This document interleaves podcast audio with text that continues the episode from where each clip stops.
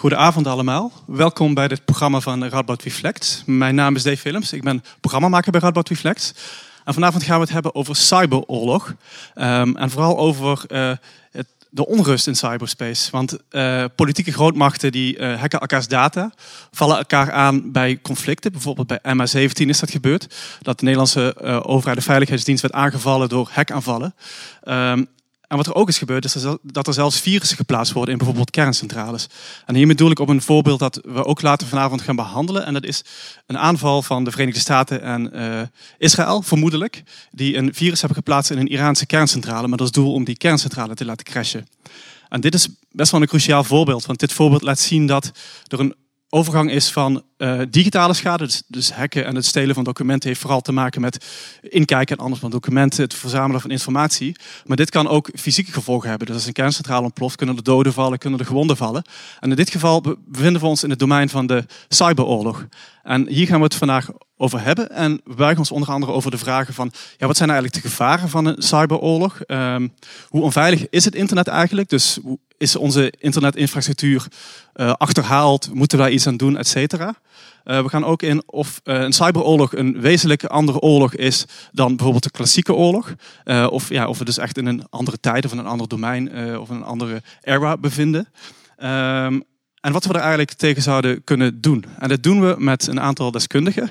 Um, sociaal en politiek filosoof uh, Evert van der Zweden, verbonden aan de Radboud Universiteit, buigt zich vooral over de politieke uh, vragen en zal ook bijvoorbeeld de vergelijking maken tussen de klassieke oorlog en de cyberoorlog. En daarnaast hebben we digital, digital security deskundige Merel Koning te gast. Um, zij buigt zich vooral over de uh, vragen wat betreft het internet zelf. Dus, dus de structuur van het internet, de onveiligheid van het internet, maar ook de ja, de, de, of de, de, ongelijkheid die eigenlijk in internet zelf al op een bepaalde manier ingebed zit. Uh, het gesprek vanavond zal geleid worden door uh, filosoof Frank van Kaspel. Frank van Kaspel is verbonden aan de Open Universiteit. Um, en ik wens jullie in ieder geval alvast een fijne avond. De avond is gestructureerd in uh, drie discussieonderwerpen, waar Frank zo meteen meer over gaat vertellen. Die ook afgewisseld worden met videofragmenten. Um, en tijdens elk blok is ook gelegenheid voor jullie om vragen te stellen. Dus jullie worden gewoon op verschillende momenten tijdens deze avond ingeschakeld. Um, en dan wil ik nu graag het podium geven aan uh, onze gast van vanavond.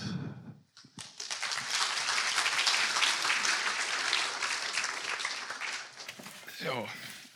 Goedenavond allemaal. Um, we gaan erbij zitten, want we voeren inderdaad een gesprek. Er zullen weinig oraties zijn vanavond. Natuurlijk wel iets meer gestructureerde bijdrage van de sprekers hier rechts van mij, links van jullie. Um, maar onderwijl, wat Dave al zei, veel ruimte voor inbreng van jullie. Uh, en misschien ook wat van mij, want ik heb als leek in dit onderwerp ook veel vragen aan de sprekers. Dat is al gebleken tijdens het etentje dat wij zojuist hadden. Uh, dus als er straks uh, in-jokes geplaatst worden, dan weten jullie misschien dat wij al een historie hebben van ongeveer anderhalf uur voor discussie. Uh, de drie onderwerpen waar Dave het over had. Of, he, Dave allerlei, noemde allerlei vragen waarop wij dan de antwoorden gaan geven. Of waarop de sprekers de antwoorden gaan geven. Um, of althans, die we gaan bespreken. Uh, en we hebben gedacht dat in drie delen onder te verdelen.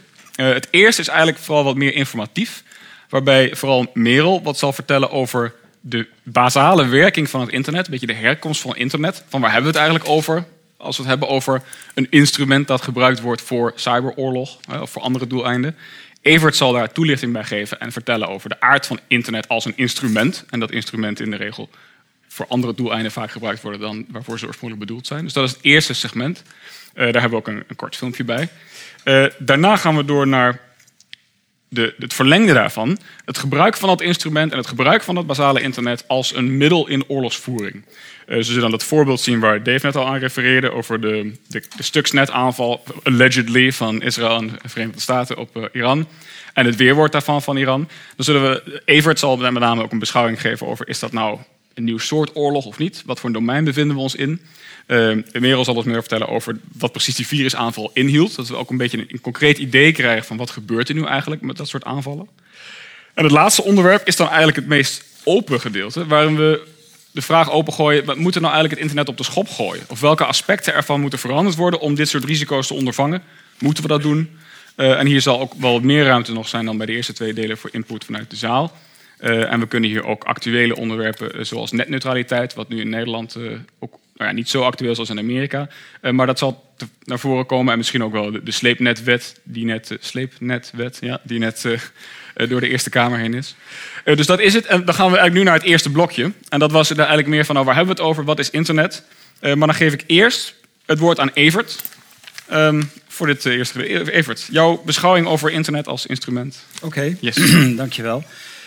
Ik wil als als, uh, om te beginnen even melden dat uh, ik ben geen deskundige op het gebied van bijvoorbeeld de oorlogskunde en de polymologie. En laat al helemaal niet op het gebied van internet, ook al ben ik een, uh, een driftig gebruiker natuurlijk, zoals de meesten waarschijnlijk in deze zaal. ik ben politiek filosoof en ik kijk naar deze kwestie met de blik van de politiek filosoof. Dat betekent niet dat ik geen oog heb voor de andere aspecten, maar dat is domweg niet waar ik me op richt. Ik wil iets vertellen over instrumenten, middelen en doelen in het algemeen. Uh, in het algemeen kun je denk ik zeggen dat de gebruiksmogelijkheden van een bepaald werktuig altijd ruimer zijn dan dat waarvoor het werktuig oorspronkelijk door de maker bedoeld was. Dat weet iedereen die wel eens met een schroevendraaier een, blikje bier heeft, uh, een flesje bier heeft opengemaakt. Laten we daarbij ook niet meteen over misbruik spreken, maar over alternatief gebruik. En de bierdrinkers onder ons die vinden dat waarschijnlijk goed nieuws. De oorspronkelijke maker of de oorspronkelijke uitvinder heeft niet heeft niet alleen geen overzicht van alle mogelijke alternatieve gebruiksmogelijkheden, maar kan dat ook principieel niet hebben, al is het maar omdat een instrument altijd verder ontwikkeld kan worden en zich dan nieuwe mogelijkheden gaan openbaren. En er zijn nogal eens uitvinders geweest die zich later de haren uit het hoofd getrokken hebben toen ze zagen wat er met hun uitvindingen allemaal gedaan werd. De vraag of Um, dus als je bijvoorbeeld neemt bijvoorbeeld een snoeimes. Een snoeimes dient om te snoeien. Daarvoor moet het een bepaalde vorm hebben. Het moet van sterk metaal zijn. Het moet een goed handvat hebben. Het moet goed geslepen zijn. Maar dat zijn eigenschappen die het ook stukken geschikter maken om de buurman mee te vermoorden of om tot zelfdoding over te gaan. De vraag of alternatief gebruik mogelijk is, is dus een andere dan de vraag of dat alternatieve gebruik dan onder de categorie misbruik valt. Wanneer ik mijn buurman vermoord met een schroevendraaier, wat ik soms best zou willen, dan is dat een misdrijf. Maar is het ook misbruik van de schroevendraaier met als reden dat een buurman geen schroef is? Atoomsplitsing kan dienen voor het opwekken van energie. Het kan ook dienen voor het maken van kernbommen. En je kunt wel beweren dat het gooien van atoombommen op Hiroshima en Nagasaki, Nagasaki ten einde Japan op de knieën te dwingen, dat dat slecht was. Je kunt het zelfs een oorlogsmisdaad vinden, omdat vooral burgerbevolking getroffen werd. Maar misbruik was het niet. Alle vormen van oorlog worden gevoerd met middelen die ook andere dan militaire toepassingen hebben. En dat is ook nooit anders geweest. Met een speer kun je een vijand doden, maar ook een sabeltandtijger. Sommige middelen, bijvoorbeeld kernbommen, worden specifiek gemaakt voor militaire doeleinden. Maar als een terrorist er een in handen krijgt, is dat dan een geval van misbruik? Terwijl als de VS er een gooien het goed gebruik is? Moeten we dan niet veel eerder concluderen, en daar zal straks meer over komen, dat terrorisme dus een vorm van oorlog voeren is, omdat het dat middel op die manier gebruikt? Internet. Internet is een instrument. Het is door mensen gemaakt om bepaalde doelen te dienen. Bijvoorbeeld een communicatie te vergemakkelijken, financiële transacties sneller of over grotere afstanden mogelijk te maken, enzovoort. Het is in duizelingwekkend tempo verder ontwikkeld. En in die verdere ontwikkeling openbaren zich nieuwe mogelijkheden en zullen zich ongetwijfeld nog meer nieuwe mogelijkheden gaan openbaren. En Merel weet alles van die mogelijkheden, in ieder geval van die van nu en misschien ook al iets over die van de toekomst. Gaming, hacken, verspreiden van fake news, organiseren van een demonstratie of een opstand, beïnvloeding van besturingssystemen enzovoort. Hoewel er altijd sprake blijft van menselijke input, zowel de software als de inhoud is uiteindelijk van mensen afkomstig, en er ook altijd een of andere fysieke drager is, een of andere vorm van hardware, bijvoorbeeld glasvezelkabels, heeft, is er een realiteit ontwikkeld die zich vergaand aan ons zicht onttrekt en een eigen leven lijkt te leiden. Ik gebruik hier met opzet de uitdrukking er is ontwikkeld en niet er heeft zich ontwikkeld, omdat ik het belangrijk vind altijd te blijven bedenken dat internet niet zelf een actor is. Internet doet zelf niks. Internet is en wordt ontwikkeld. En die passieve vorm, grammaticaal passieve vorm, veronderstelt een iemand of een iets door wie dat ontwikkelen gedaan wordt. Internet is van dat ontwikkelen het object en niet het subject. Wat natuurlijk niet uitsluit dat er zaken ontwikkeld kunnen worden die zich gedragen alsof ze subjecten zijn. Maar het blijft denk ik van cruciaal belang, zowel voor een goed begrip van de zaak als voor een goede greep op de zaak, En de woorden begrijpen en grip zijn niet alleen etymologisch met elkaar verwant, maar hebben ook veel met elkaar te maken. Om niet te gaan denken dat internet iets is dat zichzelf ontwikkelt. Als het ware anoniem, autonoom en onafhankelijk van ons mensen. Hoe complex, abstract, ongrijpbaar of dwingend ook, het blijft menselijk maakwerk. En we kunnen dus ook principieel de baas zijn. Wat nieuw is, dat zijn de schaal, de alomtegenwoordigheid en het niet waarneembare karakter. We zien en ervaren uiteraard wel de gevolgen. Probeer maar eens te pinnen wanneer het banksysteem net gecrashed is. Maar niet de oorzaken en de onderliggende structuren. Dat is dus een groot kwantitatief verschil. Zo groot dat het kan verschijnen als ware het een kwalitatief verschil. Echt anders. En ik wil iets zeggen over kwantitatief en kwalitatief. Er zijn hier namelijk twee valkuilen waar we voor moeten waken. De ene is te denken dat de veranderingen zo groot zijn dat we eigenlijk in een andere realiteit zijn komen te leven. Eén die we niet meer in de greep kunnen krijgen, principieel niet, al zouden we het willen. En de andere is te denken dat er niets nieuws onder de zon is. Beide valkuilen berusten volgens mij op een abstracte tegenstelling van het kwantitatieve en het kwalitatieve. Kwantitatief, hè, meer of minder van hetzelfde, groter of kleiner binnen dezelfde categorie. Kwalitatief, hetzelfde of iets echt anders. De eerste kan leiden tot hetzij berusting of onverschilligheid, de eerste valkuil. De tweede tot doemdenken, tot samenzweringstheorieën en dergelijke. Feitelijk is er echter, en dit is denk ik wel heel belangrijk, tegelijk niets nieuws onder de zon en heel veel dat nog niemand ooit gezien heeft. Voor de filosofen onder ons, Heracleitos en Parmenides, hadden allebei gelijk. Alles dat iets is, dit of dat is, is dat in een bepaalde mate.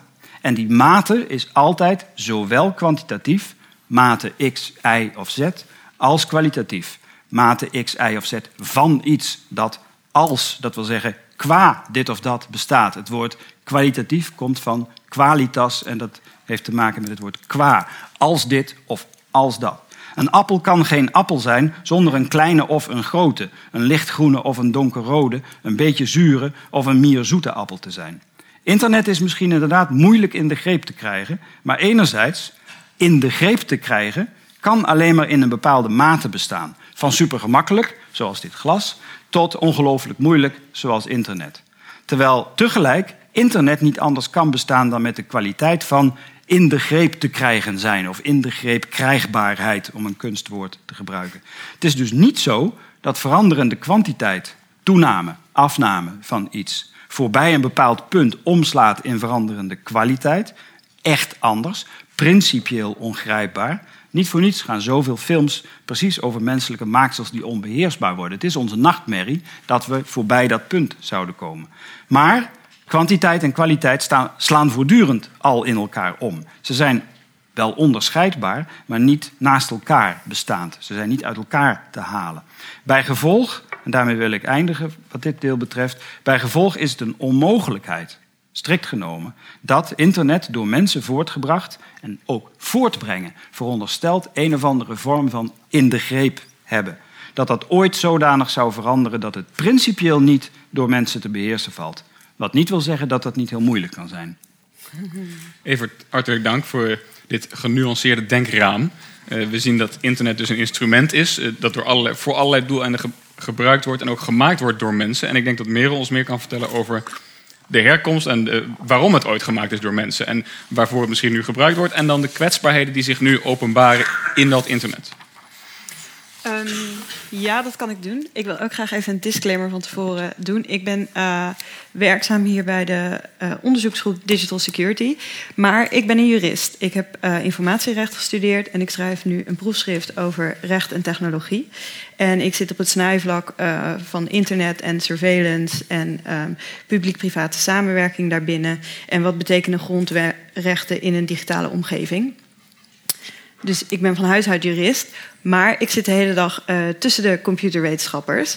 En um, daar krijg je van alles mee. En ook mijn eigen interesse heeft ertoe geleid dat ik wel het een en ander over de techniek van het internet weet. Als er mensen zijn die dingen kunnen aanvullen, um, doe dat. Mocht het nodig zijn voor, uh, voor het begrip van deze avond, die meer technische kennis hebben. Um, mocht het niet nodig zijn, laten we het bij mijn schets. Um, een interessant punt werd uh, naar voren gebracht en dat gaat over het in de greep hebben van het internet. toen het internet werd ontwikkeld, was het absoluut in de greep. In de greep van uh, een militaire organisatie in Amerika. En het werd ontwikkeld als een netwerk wat niet kon falen. Dus een netwerk wat weer uit netwerken bestond. En zodra er één onderdeel daarvan zou uitvallen, zouden, zullen er altijd andere onderdelen zijn die dat kunnen opvangen. Um, het heeft heel lang uh, een ontwikkelingsprocedure uh, gehad binnen deze militaire omgeving. Um, waarbij er voornamelijk nagedacht werd over hoe zorgen we dat dit netwerk overeind blijft. En niet zozeer over wat als er nou spelers binnen dit netwerk komen die op het niveau van de inhoud um, kwetsbaarheden gaan zien, et cetera. Dus het ging echt over de, de architectuur van het internet. Dus het aan elkaar koppelen van netwerken, dat moest veilig zijn en dat moest vooral overeind blijven. Um, in de jaren 70 is ook het begin al gemaakt van de eerste e-mails. Dat is langzaamaan verder ontwikkeld. En ik geloof eind jaren 70 is het apenstaartje ontwikkeld. En dat gebruiken we nu nog steeds. Um, eind jaren 80 werd het internetprotocol zoals we dat nu kennen ontwikkeld. Dus dat er van het, over dat netwerk in dezelfde taal werd gepraat door computers. Waardoor het netwerk eigenlijk op een ongelooflijk snel tempo kon groeien. Um, en berichten eh, via een gestandaardiseerd protocol heen en weer werden gestuurd. En daar is begin jaren 90 is daar uh, de webbrowser bijgekomen. Dus het wereldwijde web, wat we allemaal kennen. Als we het over internet hebben vanavond, dan hebben we het niet alleen maar over dat wereldwijde web. Uh, dan hebben we het ook over andere manieren waarop gegevens over dat netwerk van netwerken gestuurd kunnen worden. Dus dat kan uh, VoIP zijn, uh, voice over IP, dus gewoon een Skype-gesprek. Dat kan filesharing zijn, peer-to-peer netwerken. Um, kennen jullie vast allemaal de, de, de, Pirate Bay bijvoorbeeld, is een erg befaamde. Nooit van gehoord. Um, heel goed. Um, maar ook die Internet of Things, uh, een buzzword, wat je nou ja, tegenwoordig uh, zo'n beetje iedere dag wel in de krant kan lezen. Het internet van de dingen. Dus niet van de dieren, niet van de mensen, maar van de dingen. Um, en uh, wat betekent dat nou? Nou, dat betekent eigenlijk gewoon dat hele simpele apparaten ook op het internet aangesloten zijn. En dat ze daar dan eventueel gegevens kunnen versturen naar weer een ander heel simpel apparaat. Die dan mogelijk een andere hele simpele uh, handeling uitvoert. Bijvoorbeeld het licht aan en uitdoen of de temperatuur iets uh, hoger zetten. Of dat die gegevens naar een niet zo simpel apparaat worden gestuurd. En dat is dan de server van de maker die, die uh, bijvoorbeeld die thermostaat uh, levert. En die analyseert welke temperatuur u prettig vindt, of u op vakantie bent, mm -hmm. um, met hoeveel mensen een huishouden uh, wordt gerund, et cetera. En die gegevens kunnen dan eventueel weer met andere partijen gedeeld worden. Al dan niet voor commerciële doeleinden, om u een advertentie aan te bieden um, voor een warme trui. Of uh, al dan niet uh, voor bijvoorbeeld fraudeopsporing. Um, om te zien of iemand wel daadwerkelijk met drie personen op één adres woont en niet eigenlijk met zes. Um, dus dat heeft allerlei uh, toepassingsmogelijkheden en dat raakt ook weer aan de instrumentaliteit waar het over ging. Dus um, het uitvinden van het internet kan zijn voor zoiets simpels als het licht aan en uitdoen. Maar ook voor zoiets ingewikkelds als, uh, nou ja, uh, hoe sporen fraude uh, op binnen de democratische samenleving. En hoe mhm. maken we gebruik van wat de technologie ons kan vertellen over menselijk gedrag. Um, het internet, zoals dat er nu is, heeft um, geen eindbaas. Dus nou, sommige mensen denken dat Mark Zuckerberg de eindbaas van het internet is. Uh, dat denk ik zelf soms ook. Um, maar in principe is het internet niet van iemand. Het is ook niet van één uh, natiestaat. Het is niet van één organisatie. Het is echt een netwerk van netwerken. En ook de, uh, de, de backbone, dus de fysieke infrastructuur die daarachter zit. Dus de, de zeekabels, de internet uh, switchpoints, waar alle internetpakketjes en data nou ja, de goede kant op gestuurd wordt. in Amsterdam wordt. toch, een grote? Ja, precies. Ja. In Amsterdam zit er een grote. Um, die zijn eigenlijk allemaal in handen van commerciële partijen. Um, er zijn wel twee belangrijke organisaties uh, voor het internet. Dat is ICANN dat is een organisatie die uh, de nummers en de namen registreert. Dus eigenlijk het telefoonboek van het internet.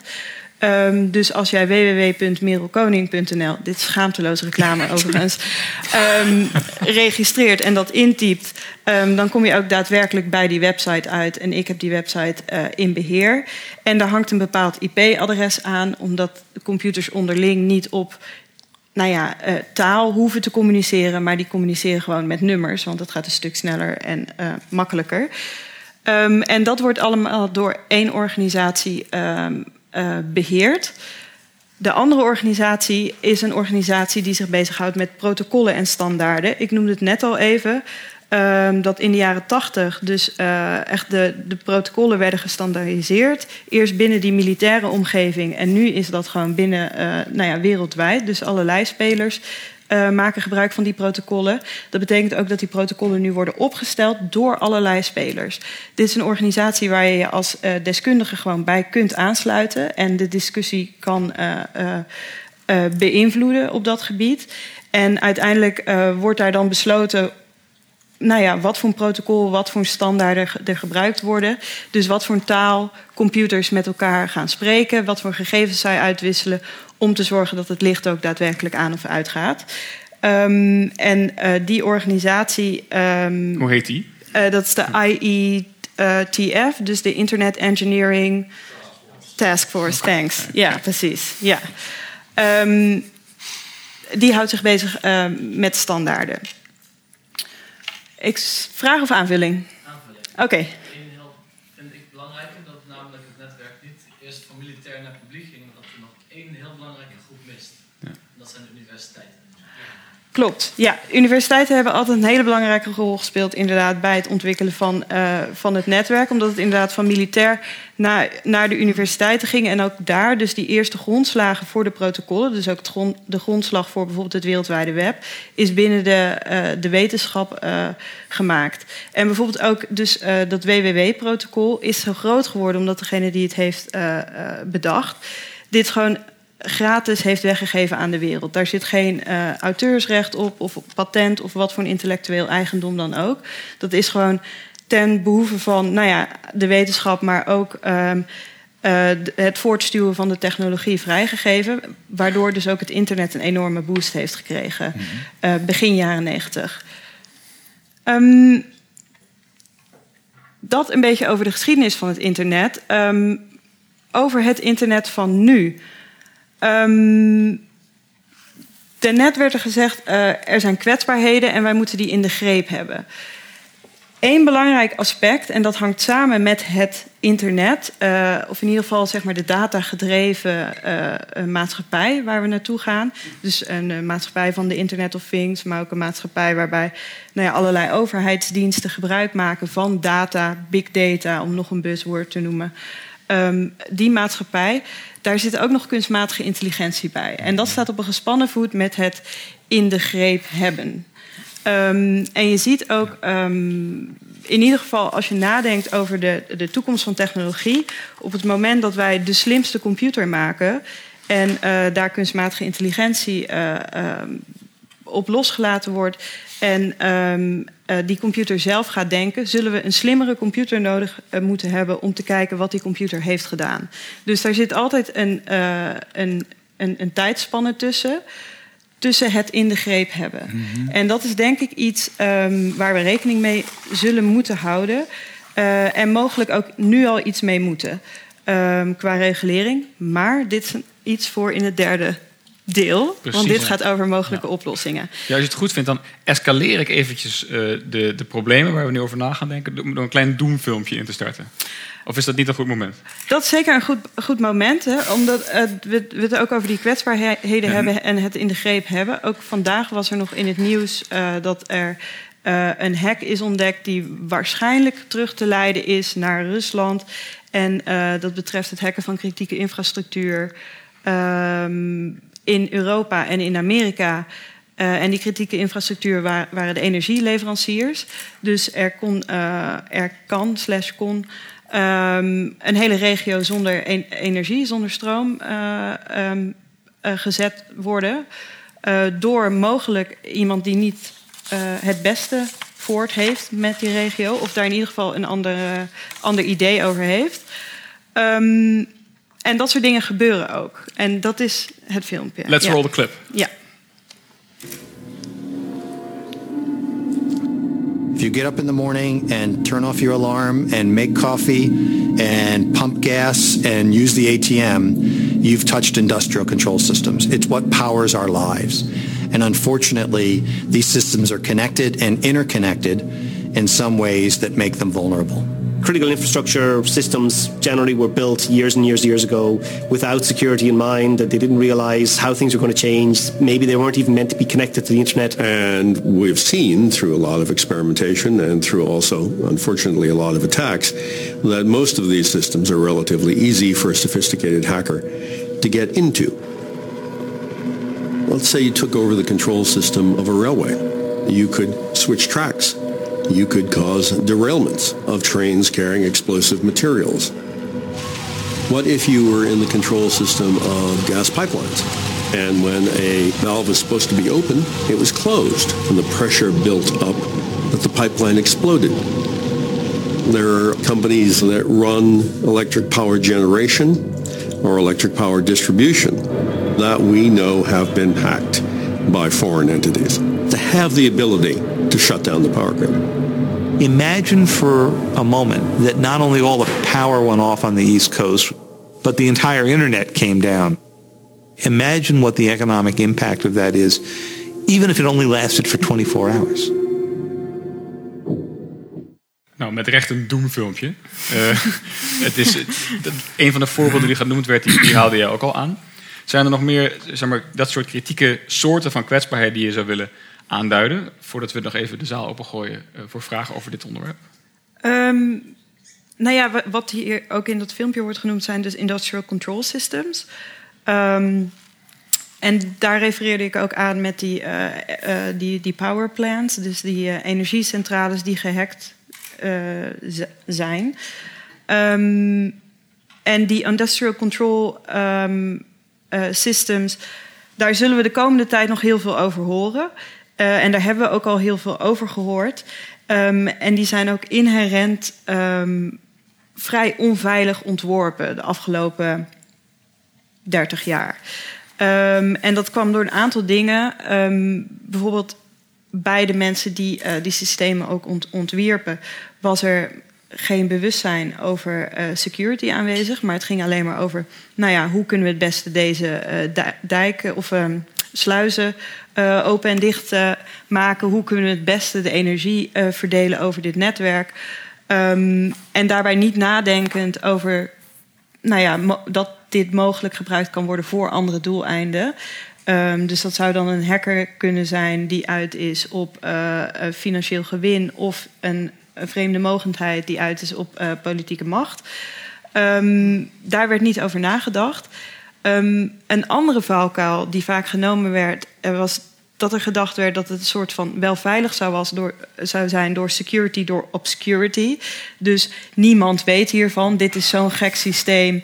Dit is niet te hacken. En daarbij, uh, wij zijn niet op het internet aangesloten. Dus je moet wel een ontzettend moeilijke aanval uit, uitoefenen. Wil je hier überhaupt bij komen? En dat is waar. Alleen ontzettend moeilijke aanvallen uitvoeren waren tien jaar geleden um, nog iets voor in de film. Maar dat is nu iets wat een stuk makkelijker is geworden en helemaal niet meer zo moeilijk. Uh, dat heeft ook mee te maken dat deze uh, industrial uh, control systems overal zijn. Dus het, zeg maar het, de mogelijkheden om aan te vallen zijn een stuk groter geworden.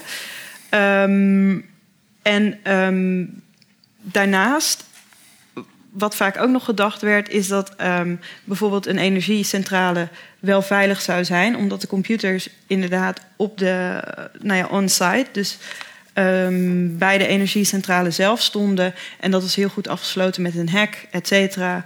Uh, ze zijn niet op het internet aangesloten. Um, en daarmee dus eigenlijk uh, nadenkend over veiligheid vanuit de oude wereld, de fysieke wereld nog, en niet vanuit de digitale wereld. Um, diezelfde kwetsbaarheden zie je op het normale internet terug. Bijvoorbeeld als je kijkt naar een e-mail. Het e-mailprotocol is echt nou ja, door mensen met een heel goed hart ge geschreven... die het superleuk vonden om elkaar een bericht te sturen. Nee, want je, opeens kon je elkaar een bericht sturen. En dat kwam dan nog aan ook. En dat kwam dan ook gewoon goed aan. En dat werkte dan met het apenstaartje. En ja, je drukte op send. En het kwam dan ook echt uit bij die andere universiteit. Of uit bij die andere eh, eh, eh, persoon. Niet nadenken dat je mogelijk authenticatie zou willen hebben. Of die e-mail die jij binnenkrijgt ook echt daadwerkelijk ehm, gestuurd is door degene met als af, met die dat als afzender heeft. Ehm, en nou ja, daar zijn dus tal van mogelijkheden uh, um, voor. Of zeg maar, het, het missen van die authenticatie um, levert nu allerlei problemen op. Eén daarvan is uh, dat het gebruikt wordt door cybercriminelen om uh, zich voor te doen als uw tante die um, ergens in Mozambique is gestrand en 500 euro nodig heeft voor het een of het ander. Um, dit is een manier om het te gebruiken. Een andere manier om het te gebruiken is bijvoorbeeld voor um, um, manipulatie van de markt. Dus je stuurt een persbericht uit waarin staat dat een bedrijf wordt overgenomen door Samsung, waardoor de aandelen verdubbelen qua waarde. En uh, jij verkoopt heel snel zelf al je aandelen. Of in ieder geval degene die jou de opdracht heeft gegeven om die e-mail te versturen, die verkoopt snel zijn aandelen. Daar wordt het voor gebruikt maar ook voor de verspreiding van fake news. Um, fake news voor politieke doeleinden. Um, dus het ontbreken van zo'n authenticatieprotocol in e-mail levert nu voor allerlei problemen die inderdaad onvoorzien waren op het moment dat iemand dat apenstaartje uitvond en dacht: hé, hey, dit is leuk, ik kan jou nou een e-mail sturen en je kan op reply doen en hij komt dan ook weer bij mij aan. Dus um, daar werd niet over nagedacht. En zo zijn er nog een aantal andere um, aspecten die echt in de, zeg maar, in de kern van het internet op dit moment zitten, die tot, uh, tot kwetsbaarheden uh, leiden. Um, sommige worden ook opgelost, bijvoorbeeld door dat slotje in je browser. Um, ook daar was vroeger, op het moment dat jij met je browser met, met een website aan het praten was, zeg maar, eh, aan het communiceren was, was daar ook weinig uh, authenticatie vond daar plaats. Nu door middel van uh, eh, HTTPS. Dus um, nou ja, dat wordt dan met het slotje in de browserbalk uh, aange aangeduid. Zit daar een verificatie op om te kijken of het daadwerkelijk A, die website is. En vervolgens kan er dus met gebruik van encryptie op een veilige manier gecommuniceerd worden. Um, ik, misschien, voordat je er uh, de zaal geen gelegenheid meer geeft voor, ah, ja. toen, voor het doen van aanvullingen, dus we nog kunnen aanvullen. je bent erg compleet.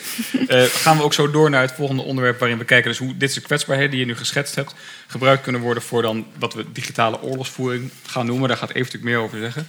Maar misschien zijn er op dit punt een aantal mensen in de zaal die nog kort iets willen vragen of willen aanvullen over dit eerste onderwerp. Dus de, de basis van internet en de kwetsbaarheden die we daar nu in zien. Zo niet gaan we gewoon vrolijk door met het volgende filmpje hoor. Ja, daar is een vraag. Ja. er, zijn, uh, er, komt een, er komt een, een, een microfoon aan, excuus dan. Uh, kijk daar. Hopla. Ja, nou, er zijn allerlei oplossingen bedacht om kwetsbaarheden uh, te repareren.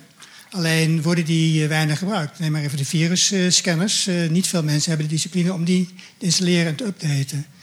Um, verder zijn er allerlei oplossingen bedacht en ook geïmplementeerd. Bijvoorbeeld dat HTTPS uh, met het slotje. Uh, de, DigiNota-affaire, uh, waar is ingebroken op de organisatie die dit soort zaken regelt, laat zien dat ook daar enorme kwetsbaarheden zijn. En ook de, de, virus of de malware die Heartbleed heette, een aantal jaren geleden, laat ik zien dat onder de motorkap, dus op het niveau van wat dan de middleware heet, de lijm tussen alle onderdelen van de technologie, dat die super kwetsbaar is. Wat niemand zich tot dan toe echt gerealiseerd heeft. Nou ja, er zijn wel mensen die zich dat hebben gerealiseerd. Alleen uh, het was niet in het NOS-journaal. Uh, um, ja, want, want dat is natuurlijk, dit, dit is een heel be bekend probleem onder computerwetenschappers en mensen die met deze technieken werken. Is dat het, nou ja, redelijk. Um, zeg maar, het internet zelf, en dat probeerde ik net ook te schetsen, is niet gemaakt voor het doen van financiële transacties daarover. Dus dat is dan weer veiliger gemaakt, maar het hangt allemaal een beetje houtje touwtje aan elkaar wat dat betreft. Het is niet een robuust netwerk met security um, in het achterhoofd ontworpen. Dan zijn we nu nog, één, nog één reply als het Sorry, mag. We gaan ja? al snel richting het derde onderwerp, ja? dus we komen hier nog op terug. Mag ik een korte reply doen? Als ik zeg niemand heeft het zich gerealiseerd, dan bedoel ik natuurlijk niet letterlijk niemand. Ah, ja. Maar degene die de beslissingen nemen, binnen de grote bedrijven en binnen de overheden. Goed, punt. nou, we gaan hier zeker nog op verder als we bij het punt 3 komen. Wat moeten we veranderen? Moeten we iets veranderen? Sorry, ik ga nu door naar het volgende filmpje. Eh, dat is namelijk eh, om het tweede onderwerp in te leiden, waarin we nu gaan kijken hoe deze kwetsbaarheden niet alleen door eh, individuen gebruikt worden om andere individuen schade te berokkenen, maar ook door overheden. En dat we kunnen spreken van oorlogsvoering binnen op dit terrein. Wat we nu gaan zien is een voorbeeld van hoe het vroeger was. Now then, Dimitri, you know how we've always talked about the possibility of something going wrong with the bomb. The bomb, Dimitri. The hydrogen bomb. Well, now, what happened is um, one of our base commanders, he had a sort of, well, he went a little funny in the head. You know, just a little funny. And uh, he went and did a silly thing. Well, I'll tell you what he did. He ordered his planes to attack your country. Uh, well, let me finish, Dmitri. Let me finish, Dmitri. Well, listen, how do you think I feel about it? Can you imagine how I feel about it, Dmitri? Why do you think I'm calling you? Just to say hello? Of course I like to speak to you. Of course I like to say hello. Not now, but any time, Dmitri. I'm just calling up to tell you something terrible has happened. It's a friendly call. Of course it's a friendly call. Listen, if it wasn't friendly, you probably wouldn't have even got it. Nou, overzichtelijker dan nu wellicht. Eh, mannen in een zaal met een telefoonlijn, eh, knoppen en bommen. Eh, nu is dat wellicht anders. Evert gaat, op, eh, gaat ons hier weer een, eh, ja, een nieuw genuanceerd denkraam voor aanmeten, volgens mij. Dat hoop ik althans te kunnen doen. Ehm, en ik wil dat laten voorafgaan door een opmerking die eigenlijk ingegeven is door wat Merel daarnet zei. Ehm, met dat verhaal over computers die slimmer worden dan, dan wij. Ehm, en ik denk, en dat is in zekere zin een nuancering van mijn eigen verhaal, die heel goed uitkomt.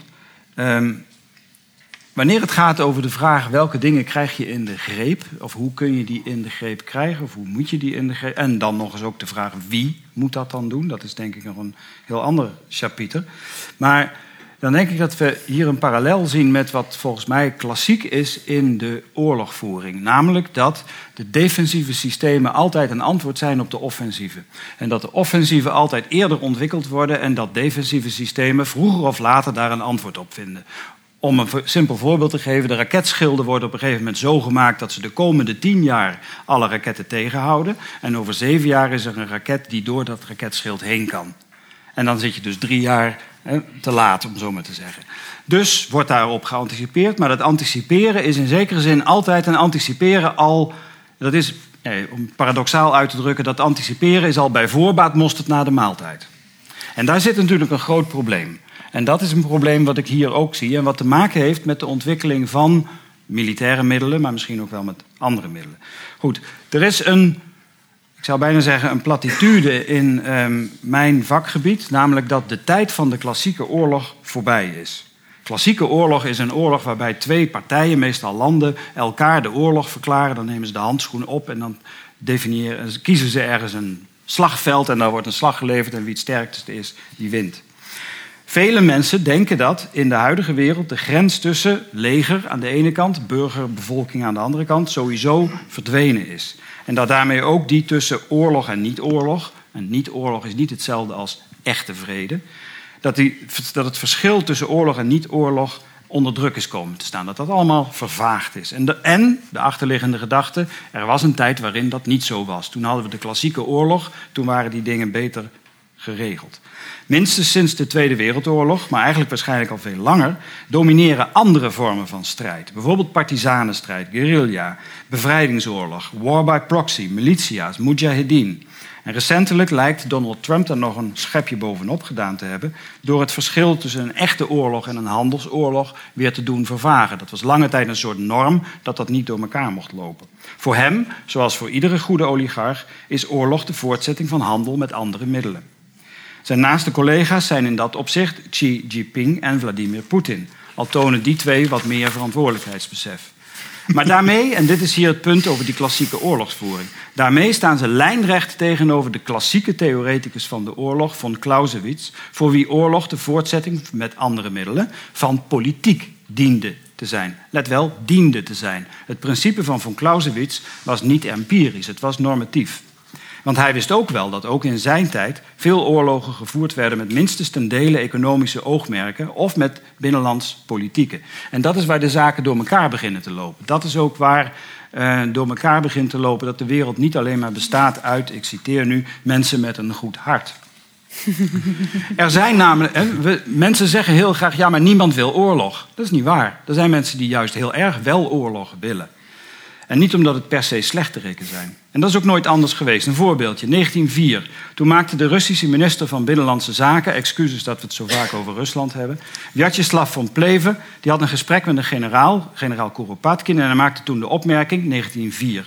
Om een revolutie tegen te houden, die kwam in 1905, hebben we een kleine zegevierende oorlog nodig. Wij denken graag, niemand wil oorlog. Maar dat is een naïeve gedachte. Veel actoren in het internationale speelveld, van staatsmannen tot wapenhandelaren, willen wel degelijk heel graag oorlog. Mits die klein en zegevierend blijft en anderen de lasten te verduren krijgen. Is het zo'n rare gedachte dat Donald Trump, om Amerika weer great te maken, een kleine zegevierende oorlog tegen Noord-Korea ontzettend goed zou kunnen gebruiken? Rusland verloor in 1905 die oorlog tegen Japan. De VS kunnen een oorlog, zegt iedereen nu, tegen Noord-Korea onmogelijk winnen. Al is het maar omdat China en Rusland gaan meedoen. Maar om een andere reden. De Russisch-Japanse oorlog was in zekere zin nog klassiek. Oorlogsverklaringen, invasies, zeeslagen en uiteindelijk een vredesconferentie. Maar dergelijke oorlogen zijn een zeldzaamheid geworden. Of er ooit een tijd geweest is waarin alle of de meeste oorlogen wel klassiek waren, valt daarbij denk ik wel te betwijfelen. Maar zeker is in ieder geval dat die tijd voorbij is. De klassieke oorlog is nu één van de opties, naast vele andere. En daarbij draaien de rollen soms om. Merk op dat IS, Islamitische Staat, expliciet de oorlog verklaard heeft aan het goddeloze Westen en zijn handlangers. In dat opzicht is dat dus een klassieke oorlog. En het is nog maar de vraag of criminalisering van de strijdende partij, respectievelijk de psychologisering van strijders, alsof radicalisering een soort mentale aandoening zou zijn, of dat het juiste antwoord is. Zeker is in ieder geval ook, wat mij betreft, dat de middelen voor oorlogvoering veranderd en verruimd zijn. En, en dat internet, en daar hebben we het hier over, daarin een belangrijke factor vormt. En ook daar is, is Islamitische Staat een prominent voorbeeld. Niets leent zich beter voor het verspreiden van propaganda en voor het uitbeelden, uitbuiten, sorry, het uitbuiten van de voorbeeldfunctie door executies van gelovigen door martelaren om de zaak in beeld te brengen om brand, aan branding te doen, om reclame te maken, etc. Maar denk ook aan het verspreiden van tips over hoe je van een bestelbusje een moordwapen kunt maken. Zeker is ook dat de oorlog met IS, dat in die oorlog nu alles door elkaar loopt. Heilige oorlog vanwege het geloof, respectievelijk de vrijheid daarvan. Handelsoorlog vanwege olie en water. Interstatelijke oorlog en burgeroorlog. Islamitische staat noemt zich niet alleen een staat, maar is dat ook. Terwijl tegelijk de jihadisten, bijvoorbeeld die uit Nederland, onze medeburgers zijn. Zodat het een burgeroorlog is. Het is tegelijk ook een bevrijdingsoorlog en het is een war by proxy met de Koerden in een sleutelhol. En het is een politieke oorlog. Maar aan de andere kant is het ook een oorlog van en voor de militairen zelf. IS is een erfenis van het leger van Saddam Hussein. Ten slotte is het een beperkte oorlog, een kleine en zegevierende voor andere partijen zoals Rusland, Israël, de VS, die hun wapensystemen kunnen testen en hun onderlinge kracht op de proef kunnen stellen. Hoe overzichtelijk echter die situatie ook is, we moeten denk ik proberen ook daar middelen en doelen uit elkaar te houden. De vele doelen, verschillende doelen van de strijdende partijen roepen meteen de vraag op of diezelfde doelen ook op andere, minder gewelddadige wijze te realiseren zijn. Dat kan heel moeilijk zijn, maar het kan niet anders dan principieel mogelijk zijn. Volgens mij doet minister Bert Koenders de hele dag niks anders dan het exploreren van die mogelijkheden. De gebruikte middelen daarentegen roepen de vraag op of en hoe we het gebruik van die middelen aan banden kunnen leggen. Dat geldt ook voor internet, maar is niet exclusief voor internet. Het geldt ook voor biologische oorlogvoering. Het geldt voor, voor uh, oorlogvoering met, met gas, et cetera, atoomenergie. Daar is inderdaad niks nieuws onder de zon. Dat roept een heleboel praktische vragen op. Hoe zou je dat dan kunnen beheersen? Wie zou dat dan moeten, moeten doen? Maar het doet vooral een beroep op een principiële, en ik zou zeggen politieke vraag. Frank zei daar straks, misschien moeten we het internet op de schop nemen. Of moeten we internet op de schop nemen? Mijn vraag daarbij als politiek filosoof is dan meteen: wie is we? Wie of wat is de we die dat zou kunnen doen? Of die dat zou moeten doen? Wat is daarvoor nodig om zo'n we te hebben dat dat zou kunnen doen? Ja. We gaan kijken naar een voorbeeld van gebruik van internet in deze moderne uh, worstelingscontext. Um, en dan niet alleen het voorbeeld van uh, wat er nou precies gebeurd is met die aanval in Iran, want daar gaan we beelden van zien. Uh, maar ook wat het weerwoord van Iran daarvan was. Dus uh, staten als actoren hier, als, als, actoren, als strijders in een digitaal strijdveld, een digitale arena. Dave, als je wil. Stuxnet would wait for 13 days before doing anything. Because 13 days is about the time it takes to actually fill an entire cascade of centrifuges with uranium. They didn't want to attack when the centrifuges essentially were empty or at the beginning of the enrichment process. What Stuxnet did was it actually would sit there during the 13 days and basically record all of the normal activities that were happening and save it. And once they saw them spinning for 13 days, then the attack occurred. Centrifuges spin at incredible speeds, about a thousand hertz. They have a safe operating speed, 63,000 revolutions per minute. Stuxnet caused the uranium enrichment centrifuges to spin up to 1400 hertz. Up to 80,000 revolutions per minute. But what happened was those centrifuges would go through what's called a resonance frequency. It would go through a frequency at which the metal would basically vibrate uncontrollably and essentially shatter. There'd be uranium gas everywhere. And then the second attack they attempted was they actually tried to lower it to 2 hertz. They were slowed down to almost stand still. And at 2 hertz, sort of an opposite effect occurs. You can imagine a toy top that you spin, and as the top begins to slow down, it begins to wobble. That's what would happen to these centrifuges. They would begin to wobble and essentially shatter and fall apart. And instead of sending back to the computer what was really happening, it would send back that old data that it had recorded. And so the computer's sitting there thinking, yep, running at 1,000 hertz, everything's fine. Running at 1,000 hertz, everything's fine. But those centrifuges are potentially spinning up wildly. A huge noise would occur. It'd be like, you know, a jet engine. So the operators then would know, whoa, something is going wrong here. They might look at their monitors and see, hmm, it says it's 1,000 hertz, but they would hear that in the room something gravely bad was happening. Not only are the operators fooled into thinking everything's normal, but also any kind of automated protective logic is fooled. You can't just turn these centrifuges off.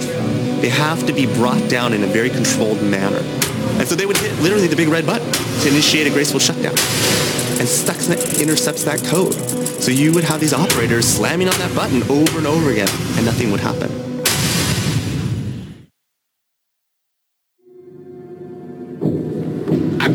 Officials, Iran is the first country ever in the Middle East to actually be engaged in a cyber war with the United States and Israel. If anything, they said the recent cyber attacks were what encouraged them to plan to set up the cyber army, which will gather computer scientists, programmers, software engineers. If you are a youth and you see assassination or nuclear scientists, your nuclear facilities are getting attacked, wouldn't you join your national cyber army? Well, many did. And that's why today Iran has one of the largest cyber armies in the world. So whoever initiated this and was very proud of themselves to see that little dip in Iran's centrifuge numbers should look back now and acknowledge that it was a major mistake. Very quickly, Iran sent a message to the United States. Very sophisticated message. And they did that with two attacks. First, they attacked Saudi Aramco, the biggest oil company in the world, and wiped out every piece of software, every line of code on 30,000 computer devices. Then Iran did a surge attack on the American banks. The most extensive attack on American banks ever, launched from the Middle East, happening right now. Millions of customers trying to bank online this week blocked. Among the targets, Bank of America, PNC, and Wells Fargo. The U.S. suspects hackers in Iran may be involved. When Iran hit our banks, we could have shut down their botnet, but the State Department got nervous because the servers weren't actually in Iran. So until there was a diplomatic solution, Obama let the private sector deal with the problem. I imagine that in the White House Situation Room, people sat around and said, let me be clear, I don't imagine, I know.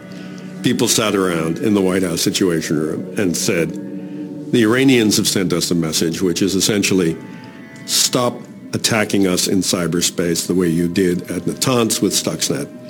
We can do it too.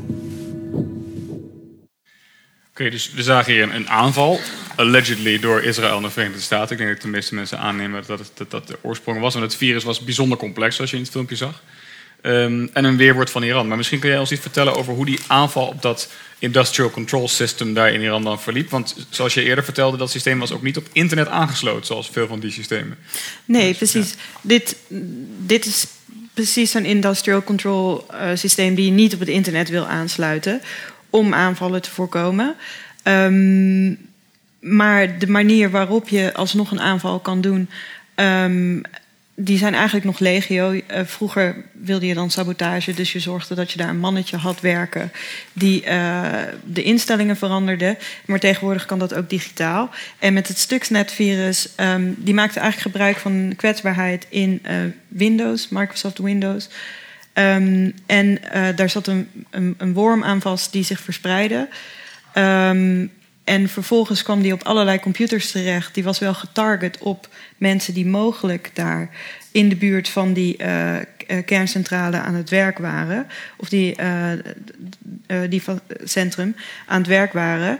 Um, maar die worm die verspreidde zich vrij snel. Dus Stuxnet was op een gegeven moment gewoon op meerdere plekken in de wereld. Had, was gewoon overal in de wereld op Windows-computers te vinden.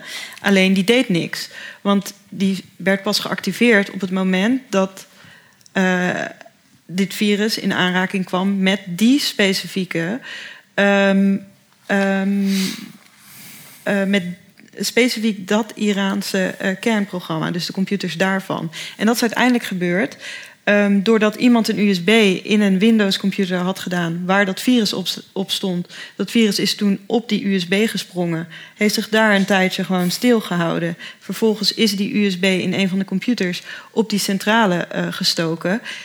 En toen heeft het virus 14 dagen gewacht en is gaan lopen. Um, en zo is die aanval vervolgens dus daar gekomen. Terwijl de computersystemen echt achter een hoog hek staan, niet op het internet zijn aangesloten. Er zeer zware screening is van mensen uh, die daar mogen werken. Uh, maar al die fysieke uh, beveiligingsmaatregelen, die heel goed werkten in de wereld voordat we internet hadden, mochten in dit geval niet baten, omdat een klein stukje technologie, zoals een USB-stick, Um, in dit geval dus de hele, uh, ik geloof 14 stuks um, van die centrifuges uh, kapot heeft gemaakt. Dus het is niet eens een, een, special operative die daar midden in de nacht met zijn USB-stick naar binnen gelopen is. Het is echt gewoon verspreid doordat een van die werknemers in een onoplettend moment. Ja. nou ja, kijk, er zijn ook wel in, deze, in dit specifieke geval zijn er ook wel special operatives. Want er zijn ook wel uh, kerngeleerden uit Iran vermoord. Ongeveer in dezelfde periode. Um, dus daar, zeg maar, ik denk dat ze op, op meerdere, meerdere paarden ja. hebben gewet. Mm, ja. um, en dat zeg maar de digital cyber uh, warfare in dit geval was gewoon een onderdeel van een groter programma. Mm um, en dat zie je natuurlijk uh, vaker. Het is niet alleen het inzetten op, uh, op cyberwarfare. Cyberwarfare staat uiteindelijk gewoon de normale machtsverhouding of de normale politieke agenda ten dienst. Ja. Evert, heb jij een soort uh, een reactie op wat je dan ziet dat Iran een cyberleger gaat oprichten en eh, zegt: uh, ga ons niet aanvallen op het cyberterrein, want wij hebben een cyberleger. Ik denk wat je, wat je daar ziet, tenminste dat is het eerste wat bij mij, uh, wat, wat, wat bij mij naar voren komt. Um, de terugkeer van de logica van de afschrikking. En dat zit in dat, in, dat, in dat zinnetje wat die ene meneer uitsprak: We can do it too. Op het moment dat dat de situatie is, dus wij kunnen op exact dezelfde manier terugslaan zoals jullie ons kunnen slaan, dat is de basis geweest van de atoomvrede gedurende de Koude Oorlog omdat, niet, omdat, niet omdat ze in hetzij het Kremlin, hetzij het eh, Witte Huis dachten dat een kernoorlog het einde van de hele wereld zou betekenen. Maar omdat ze wisten, allebei redenen hadden om te denken dat de ander dat met gelijke munt kon terugbetalen. En dat is wat hier, wat hier gezegd wordt, letterlijk. En dan denk ik, dat kan werken. En dat werkt op voorwaarde dat inderdaad die verschillende systemen elkaar enigszins in evenwicht houden. Of gezamenlijk een pakket vormen. Terecht, denk ik, merkte Merel op, het is onderdeel van een breder programma. Nou, je kunt je heel goed voorstellen dat, in, dat het ene land een accent heeft bij één onderdeel van het programma en de andere bij een ander onderdeel. Maar dat, daar is in principe de mogelijkheid van een of andere vorm van, van balans. Dat brengt ons op een logica die daaronder ligt, namelijk dat de strijdende partijen in principe landen zijn met regeringen en legers. En die hebben dan ook nog allerlei vertakkingen en geheime diensten en weet ik veel wat. Maar dat zijn heldere, herkenbare actoren. Dat wordt een heel ander verhaal, denk ik, op het moment dat daar, ja, maar eens plat te zeggen, andere actoren tussendoor gaan fietsen. Die misschien ook hele andere bedoelingen hebben. Soms wellicht zelfs hele goede of hele onschuldige. Of soms commerciële.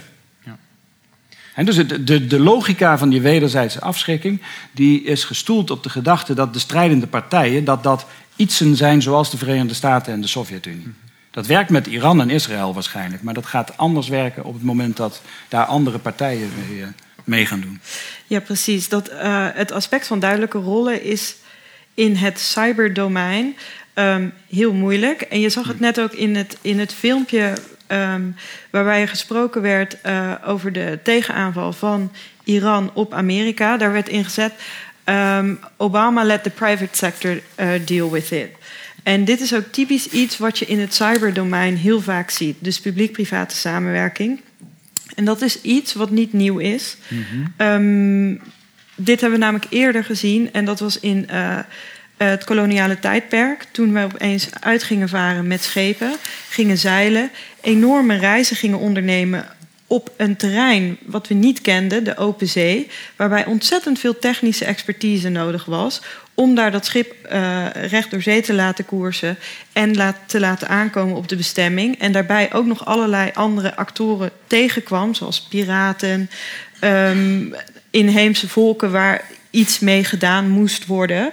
Um, daarin zag je dat uh, de private partijen een mandaat kregen vanuit de overheid. En dat zie je hier in het cyberdomein exact zo. Ja. Door het gebrek aan kennis uh, bij overheden worden private actoren ingezet en krijgen private actoren ook um, rollen toegedeeld die we, die we eigenlijk van oudsher toe, uh, toedelen aan de overheid. Dus cyberwarfare, het terugslaan van een aanval die waarvan iedereen in de control room weet: een land valt ons nu aan, maar wij laten toch de private sector dit, uh, dit varkentje wassen. Want er is technische expertise nodig. We weten het niet zeker. Uh, en dit zijn allerlei elementen die in de cyberwarfare, maar ook in cybercrime, heel vaak voorkomen. En dat is iets wat het domein wel anders maakt dan andere domeinen. Maar ook iets wat het domein uh, hetzelfde maakt als een domein waar we vroeger ook weinig uh, expertise en kennis over hadden, namelijk de open zee. Um, en dat brengt me tot het volgende punt. Toen uh, er vanuit Europa werd uitgevaren met allerlei schepen, uh, moest er een oplossing komen voor piraterij. Dus er moest een oplossing komen voor um, de wetteloosheid op open zee. En daar is het bekende werk van Hugo de Groot, uh, Mare Liberum, uh, een antwoord op geweest. Waarin hij pleitte voor universele handhavingsjurisdictie op open zee. Dus op het moment dat er zich een uh, misdrijf plaatsvond op open zee, had iedereen de jurisdictie om daar eh, voor op te treden. Dus er was niet één hogere zeeautoriteit, maar iedere speler kon daar individueel, op, als het op open zee was en een bepaald soort misdrijf, ehm, kon daar eh, met geweld op reageren. En we zien nu deels diezelfde tendens in cyberspace. Alleen wij zien niet, uh, wij zien geen mare liberum voor cyberspace, waar, waar erin gepleit wordt dat er een universeel handhavingsjurisdictie moet Mhm, komen in cyberspace. Ehm, ik vind dat deels een goede zaak dat dat er niet komt, Ehm, omdat eh, cyberspace ook zeker andere eh, karaktereigenschappen heeft dan de open zee. De open zee waren twee, twee schepen die elkaar tegenkwamen. Daar kon ontzettend veel, eh, veel financiële belangen zijn. Het hele ruim kon vol met goud liggen. Maar alsnog waren dat eh, twee bemanningen van twee schepen. En daar ging het op dat moment om. In cyberspace kun je te maken hebben met nou ja, eh, het manipuleren van een energiecentrale, waarbij er dan een hele regio zonder stroom komt te zitten. Met alle gevolgen van dien. Ziekenhuizen hebben geen elektriciteit na een bepaalde tijd. Eh, waterkeringen werken niet meer. Dat is een soort van nou ja, domino-ramp. Ehm, en ehm, dus wat dat betreft heeft het ook weer andere eh, kenmerken dan die open zee. Ehm, en wat ook interessant is, tenminste waar de, eh, de overeenstemming ook ligt, als je nadenkt over in wat voor een tijdsgeest geest heeft Hugo de Groot dat, dat destijds geschreven. En met wat voor een insteek was dat? Dat was echt om de westerse belangen te beschermen, om de handel te beschermen. Om die reden kwam die universele handhavingsjurisdictie daar. Dat ging erom om de piraten eh, ehm, tegen te kunnen gaan, om daar iets mee te doen, om te zorgen dat de specerijen aankwamen weer in Europa. En dat ging er dus deels om om de macht bij de machthebbenden te houden.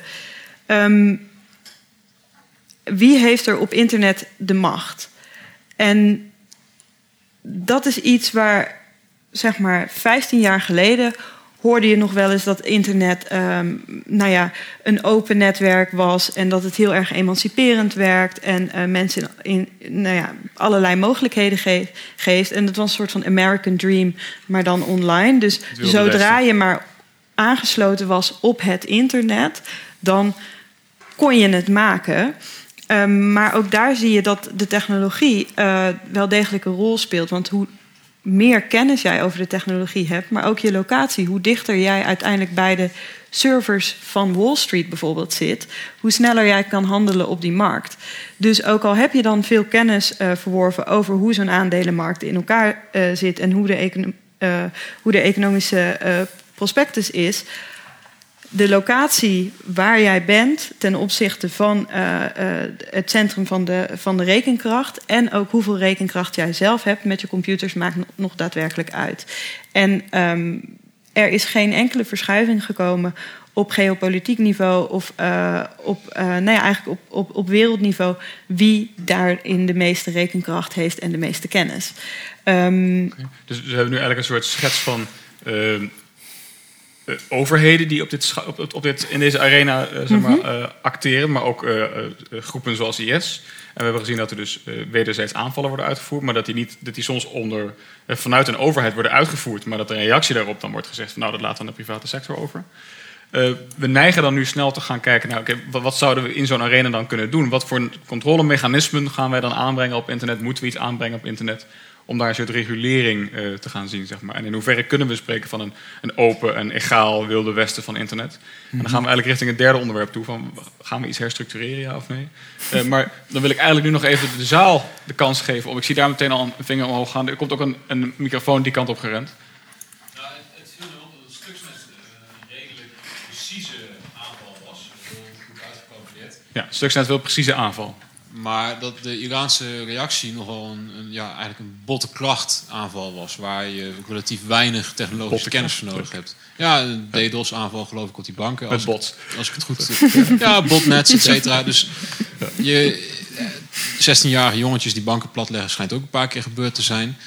Ehm, dus de, het, het bereik van de middelen is, is niet meer proportioneel. Dus iedere ontevreden burger kan behoorlijk wat schade aanrichten.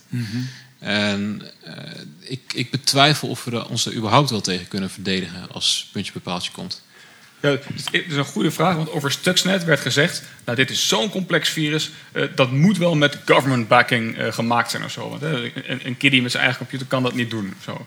Ja, is daar sprake van? Zijn er van dat soort systemen? Is het, is het zo dat een, een, een 16-jarig jongetje met een computer dat, dat niet zou kunnen? Of is dat denkbaar dat op een gegeven moment dat soort partijen...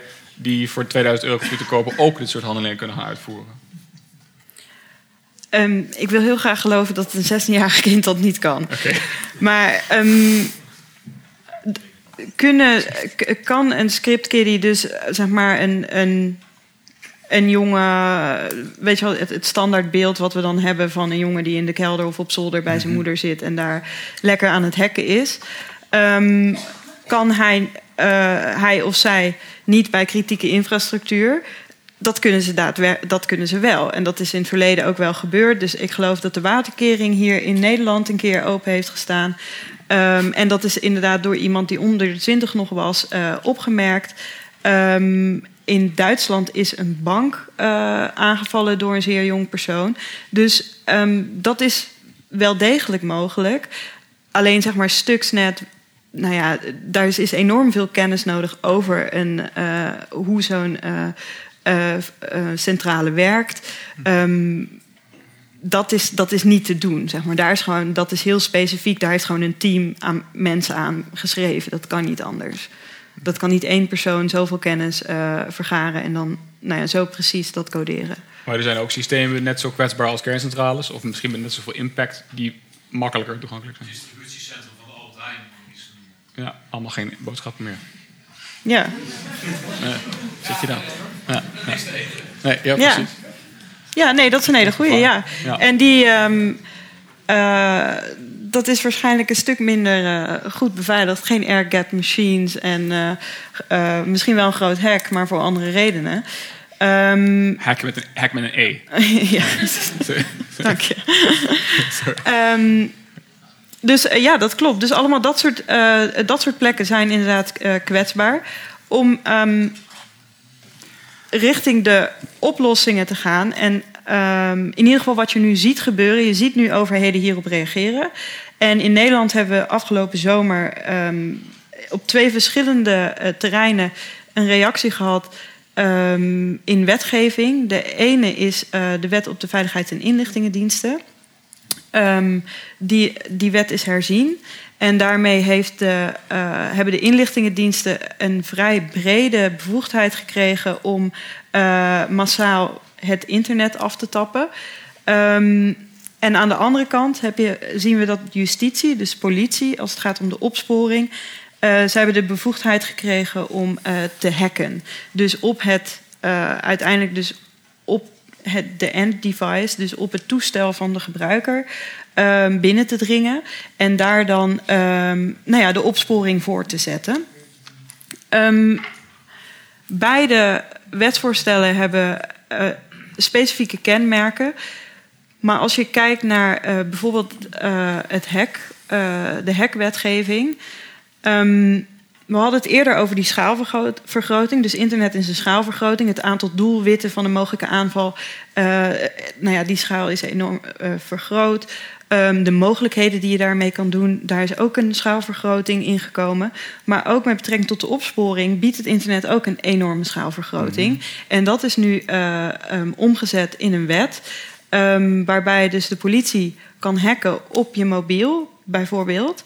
En je mobiel kan gebruiken als uh, GPS-tracker. Waar ze vroeger nog een ingenieus apparaatje met een eigen batterijtje en een eigen antenne moesten gebruiken of ontwikkelen en dat onder je auto plakken, kunnen ze nu gewoon je mobiele telefoon overal volgen. Zodra uh, um, ze zijn binnengedrongen op je. Op jouw uh, mobiele telefoon. Daarnaast kunnen ze bijvoorbeeld ook de microfoon die in je mobiele telefoon zit gebruiken als balk. Waar ze vroeger in je huiskamer uh, um, binnen moesten treden en daar microfoons op hangen, kunnen ze nu gewoon via de, uh, de mobiele telefoon um, die opsporingsbevoegdheid gebruiken. Dus wat je eigenlijk ziet is dat met het hackvoorstel, he, nou ja, de heeft eigenlijk de politie een soort van Zwitsers zakmes gekregen. Ehm, en dat is omdat jouw mobiele telefoon allerlei functionaliteiten heeft. En die hebben inderdaad weer ook andere functies voor jou. Jij gebruikt ze om eh, makkelijk de weg te vinden en een telefoongesprek te doen. De politie kan van diezelfde hardware eh, gebruik maken om eh, een verdachte. ehm, eh, een verdachte gesprekken op te nemen, te volgen, et cetera. De politie kan dat niet alleen, ze mogen het nu ook. Dus Ze mogen het ja, nu. Ze ja. deden het al, ze mogen het nu ook. Ja, ja, ja. Ja. ja. Ja. Ehm, althans, zodra de wet in werking is. 1 Maar dat, dat hoor. zal zeer binnenkort Oh zijn. ja, ja. dat, is, dat is de sleepnet, dat is de andere. Ja, precies. Ik weet niet exact wanneer deze in werking zal treden. Ehm, de andere, dus ehm, de eh, wet op de inlichting en veiligheidsdiensten.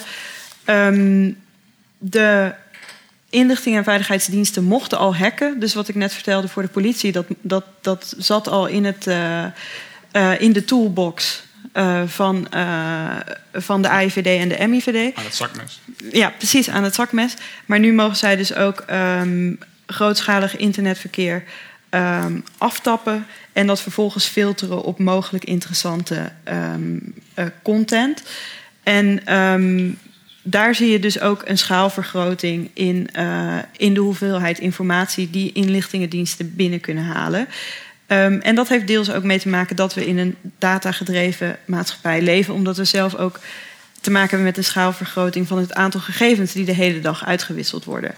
Ehm, dat zal ook uiteindelijk invloed hebben op, eh, op de verhouding burger-staat.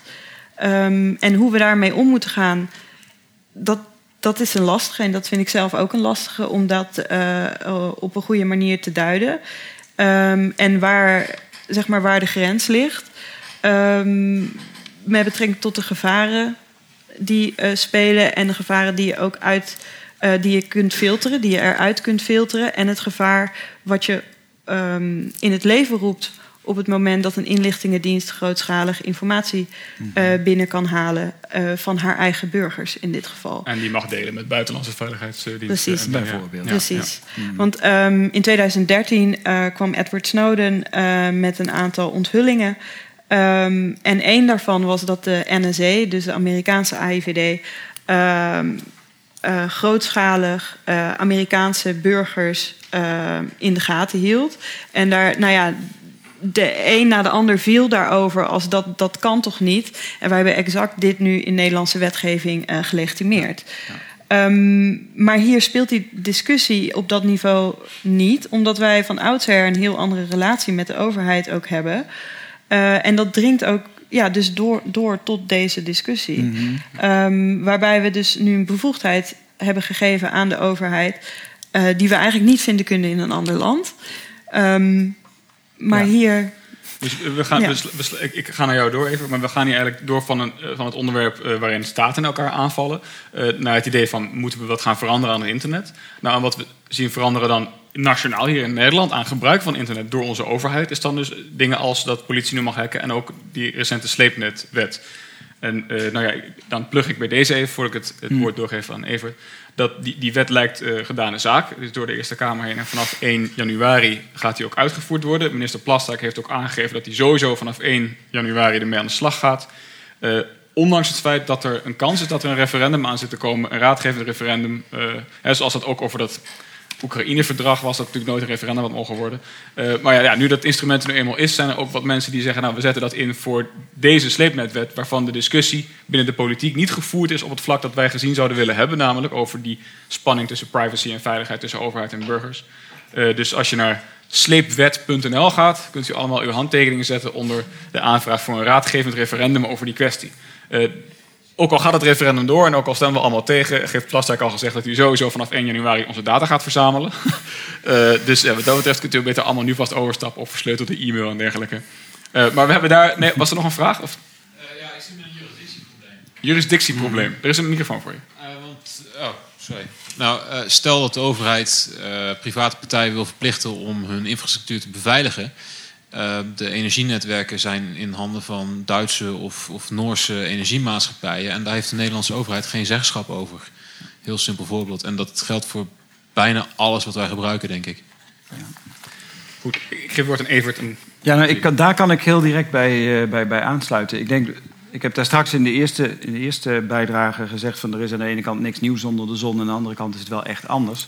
Ik denk dat dit hier een prachtig voorbeeld van is. Want kijk, op zichzelf kun je zeggen, als iemand erin slaagt vanuit een zolderkamertje het distributiesysteem van Albert Heijn eh, plat te leggen, dan is dat in termen van de gevolgen. Maakt dat niet uit of dat iemand is die dat doet omdat hij ehm, Albert Heijn van de markt wil drukken. Of iemand die dat doet omdat hij een opstand in Nederland wil veroorzaken. Het eerste zou economisch zijn, het tweede politiek. Of dat het een of andere puber is die denkt van ik haal een geintje uit en oh het loopt uit de hand. Want dat kan ook. Dat zijn allemaal dingen, daar zou ik zeggen dat is van alle tijden. Alleen het ziet er anders uit. Maar dus dat type handeling, zeg maar, hè, dat is van alle tijden. Ook in de zin dat de gevolgen eigenlijk onafhankelijk zijn van de bedoelingen die daarachter zitten. Je zou kunnen zeggen, een jongetje van 17 die dat doet, die wordt uiteindelijk vermoord. Of sorry, die wordt veroordeeld. Die wordt waarschijnlijk ook vermoord. Maar hij wordt veroordeeld voor iets wat lijkt op dood door schuld. Terwijl degene die probeert eh, Albert Heijn echt helemaal onderuit te halen, die wordt veroordeeld voor iets dat lijkt op moord. Of ehm, op doodslag.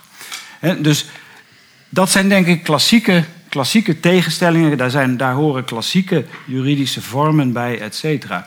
Het probleem wat nu ontstaat is dat, en dat is precies wat hier aangesneden wordt, dat dit niet gaat over dingen die over Nederland gaan. En dat Nederland wel op een gegeven moment, al dan niet met een fake referendum, bepaalde wetgeving kan doordrukken. Maar dat dat nog maar een zeer gedeeltelijk effect heeft op de realiteit waar het probeert een impact op te hebben. Ik denk zelf, maar dat is mijn politieke overtuiging, dat dat heel erg veel te maken heeft ook met privatisering. En dus met het loslaten van het idee dat bepaalde zaken publieke zaken zijn, die je niet aan private partijen over, ma- over moet laten. Maar ik denk ook, en dat is hier denk ik ernstiger, dat het te maken heeft met het laat maar zeggen, met, het, met de groei van een terrein dat ergens tussen het private en het publieke in ligt. Het is een hele oude waarheid in de politieke filosofie dat een vrije samenleving gebaat is bij een overheid die een scheiding maakt tussen het publieke en het private. En die scheiding die moet in zekere zin absoluut zijn. Dat is de voordeur bijvoorbeeld. Hè. Wat je op straat doet, daar gaat de overheid over. Wat jij achter de voordeur doet, daar ga je alleen zelf over. Wat je in bed doet, daar ga je alleen zelf over, et cetera. Dat staat of valt met een helder onderscheid dat zelf uiteraard publiek moet zijn, want dat moet de vorm van een wet hebben. Maar op het moment dat die onderscheidingen vervagen, dan krijg je situaties waar je nog maar heel moeilijk politiek greep op kunt krijgen. En een voorbeeld, een heel recent voorbeeld, dat op zichzelf nog niet zoveel met internet te maken heeft, hoewel dat daar ongetwijfeld ook een grote rol bij speelt, is die deal die nu gesloten lijkt te zijn met militia's in Libië, die zich in no time hebben bekeerd tot onderdelen van het politieapparaat. Een militia, dat lijkt op piraterij, dat zijn private partijen zou je kunnen zeggen. Maar ze opereren alsof ze publieke actoren zijn, want ze hebben een bepaald territorium, daar maken zij de dienst uit, et cetera. En kennelijk kunnen ze zich moeiteloos transformeren in zoiets als een gewapende arm van een overheid, namelijk een politieapparaat. En dan spelen ze een andere rol of spelen zichzelf het balletje toe, wat er op dit moment, wat er op dit moment gebeurt. Dat is maar één voorbeeld van wat denk ik ook hier speelt, namelijk dat het private en het publieke structureel door elkaar heen lopen. En dat wordt verergerd op het moment dat overheden zeggen dat moet de private sector oplossen. Het wordt overigens ook verergerd wanneer de private sectoren zeggen dat moet de overheid allemaal maar doen. Dus dat werkt twee kanten op. Nou, volgens mij hebben we een hele mo- mooie parallel met eh, het, het, onderwerp internet. Eh, precies een aantal partijen die zich in dat, in, dat, in dat grensgebied bevinden tussen internet of tussen publieke zaken en private. En dat, is, dat zijn die internet service providers, dus de Ja. Ziggo's en de Telfords van de wereld. Dus die, die in Nederland, eh, die dus private instellingen zijn en die verzorgen fysiek bezorging van datapakketjes bij mensen thuis. Eh, maar in Nederland hebben wij als een van de twee landen ter wereld, hoor ik net, Nee, nee, we waren het tweede Oh, land. waar het tweede. Oh, sorry. Het tweede land ter wereld hebben we dus vanuit de overheid wel gezegd. Maar kijk, het is een private aangelegenheid dat jullie dat internet verzorgen. Maar we gaan vanuit de pu- publieke sfeer wel ehm, richtlijnen of, of eh, eisen opstellen waaraan die eh, dienstverlening moet voldoen. En in Nederland hebben we dan over netneutraliteit. Dus wat in Nederland niet mag, maar jij moet ongetwijfeld aanvullen, is dat iemand die eh, jouw internetverbinding verzorgt, onderscheid maakt in het soort data dat hij bij jou bezorgt. Als jij een internetaansluiting hebt, mag jij op internet en met de bandbreedte die je hebt, doen wat jij wil. eh, doen wat jij wil. En jouw internet service provider mag niet onderscheid maken in het, in het soort websites dat jij bezoekt of in het soort eh, of je nou www gebruikt, of dat je eh, file transfer doet, of dat je je Internet of Things wil aansturen via je, via je bandbreedte, daar mag je service provider niks over zeggen. Misschien kan jij aanvullen, want dit is ook iets dat recent gespeeld heeft, toch? Ja, en deels nog speelt. Ja. Ehm, ja, een netneutraliteit eh, speelt nu voornamelijk in Amerika. Is daar een eh, zeer grote discussie over. Ehm, maar netneutraliteit in, de, in, in Nederland, of de manier ook sowieso hoe netneutraliteit internet, internationaal gedefinieerd wordt, is dat ehm, dus de internet service provider, degene die jou het internet levert eh, aan de deur, dat die geen onderscheid maakt eh, tussen welke dienst j- jij gebruikt. En dat kun je vergelijken met ehm, een stroomaansluiting. Dat als jouw stroom ehm, toevallig ergens in een energiecentrale die gebruik maakt van Siemens apparatuur, dat jouw stroom dan niet je ehm föhn van Siemens voortrekt op een föhn van eh Babyliss. Ehm, dus dat je de diffuserkop niet kan gebruiken of zo. Of eh, dat hij alleen maar koud kan feunen. Ehm, nou ja, zo simpel is het eigenlijk te, te vergelijken met netneutraliteit. Het betekent gewoon dat ieder pakketje hetzelfde wordt behandeld.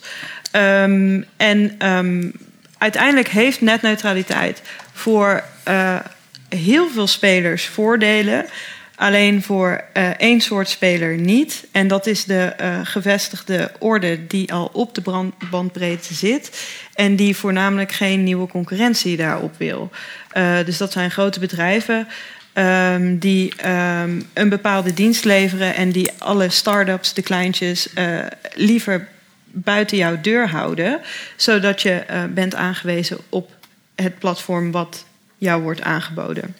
Ja, dus een heel concreet voorbeeld is bijvoorbeeld eh, Ziggo zegt tegen Netflix: Oké, Netflix, eh, jullie gaan mij, mij nou extra betalen, Ziggo extra geld. Eh, dus denkt Netflix, ja, dat is een nadeel voor ons. Maar het is tegelijk een voordeel van Netflix, want Ziggo-klanten kunnen dus bijvoorbeeld dan gratis Netflix kijken. Dus hun Netflix-gebruik op hun mobieltje gaat dan niet af van hun databundel. Fijn voor de klant ook, zou je denken. Eh, maar tegelijkertijd maak je dus eigenlijk daarmee concurrentie van nieuwe partijen die dus Netflix willen concurreren onmogelijk. Want zij, hun data wordt wel betaald, dus ja, niemand gaat naar die concurrent kijken. En en de concurrent wordt nog eens trager bezorgd. Ja. Dus dit is eigenlijk slecht voor iedereen wat jij zegt, behalve de gevestigde orde. Ja. Er is, was daar een vraag die je direct op aansloot, volgens mij? ja. Komt de microfoon ook aan? Dit eh, concept van netneutraliteit lost toch eigenlijk ook dat eh, jurisdictieprobleem op eh, als het gaat over stroom. Want je zou datzelfde concept kunnen toepassen op stroom. Je kunt gewoon zeggen van joh, ongeacht of de stroom opgewekt is in Duitsland en of Eneco in Duitse handen eh, valt. eh, op het moment dat jullie aan Nederlandse, in Nederland gevestigde huishoudens willen leveren, dan moeten jullie gewoon dezelfde stroom leveren. Dan hebben wij dit, deze set van eisen aan de stroom die jullie leveren. En volgens mij is dan het hele, ja, het hele probleem opgelost. Of, of zie ik dan iets over het hoofd? En dat, datzelfde zou je zelfs kunnen doen met, met, met olie of met andere dingen die je, zeg maar, dat je tegen Shell zegt: joh, eh, fijn dat jullie eh, eh, slecht gestookte olie uit Nigeriaanse eh, duistere praktijken willen, willen leveren in Nederland. Maar op het moment dat jullie in Nederland hier eh, dat willen laten tanken door mensen, dan hebben wij daar gewoon een stel eisen aan. En dat wordt economisch wordt dat wel wat uitdagend, omdat het prijsopdrijvend zal werken in den beginnen. Alleen uiteindelijk is dat wel, denk ik, de weg voorwaarts.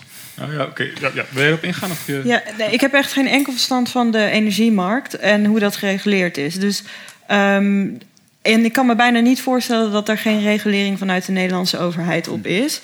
Ehm, al is het maar in mijn vakgebied, dus technologie, bijvoorbeeld de slimme meter. Daar is vanuit, eh, vanuit de Nederlandse overheid is daar regulering op. En vanuit de EU is daar een directive, eh, een richtlijn.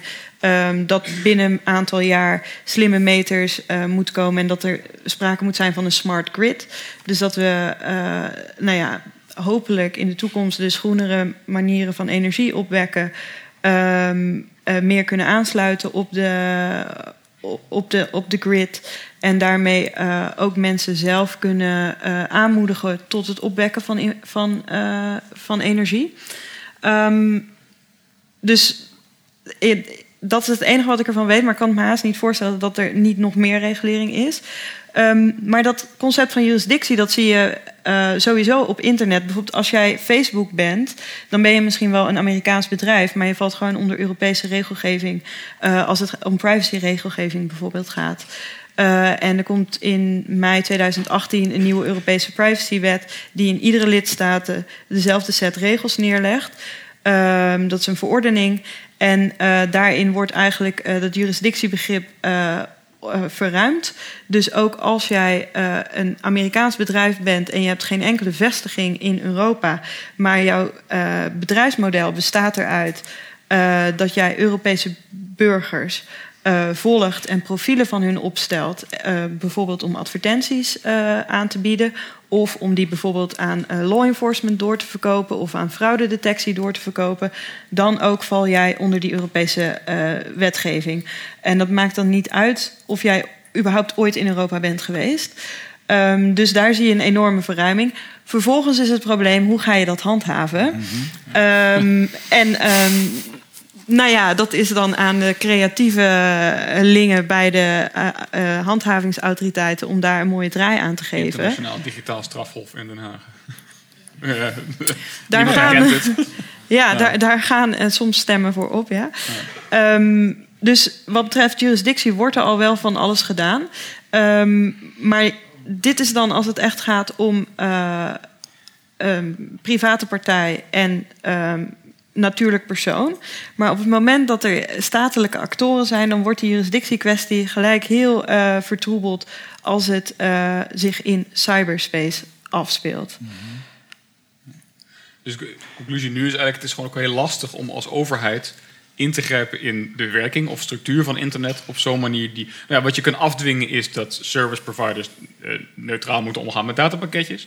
Maar je kunt natuurlijk absoluut niet afdwingen hoe burgers gebruik maken van die datapakketjes. Hè, of welke ze versturen, zeg maar. Uh, of wat bedrijven daar binnen doen, zeg maar. Je kunt het proberen, maar hoe handhaaf je het? Zeker als het om buitenlandse bedrijven gaat. Mm -hmm. Dus ja. weer een grote vertroebeling van ja, de ja, cyberspace. Nee, ja. ja, maar het is natuurlijk wel zo dat...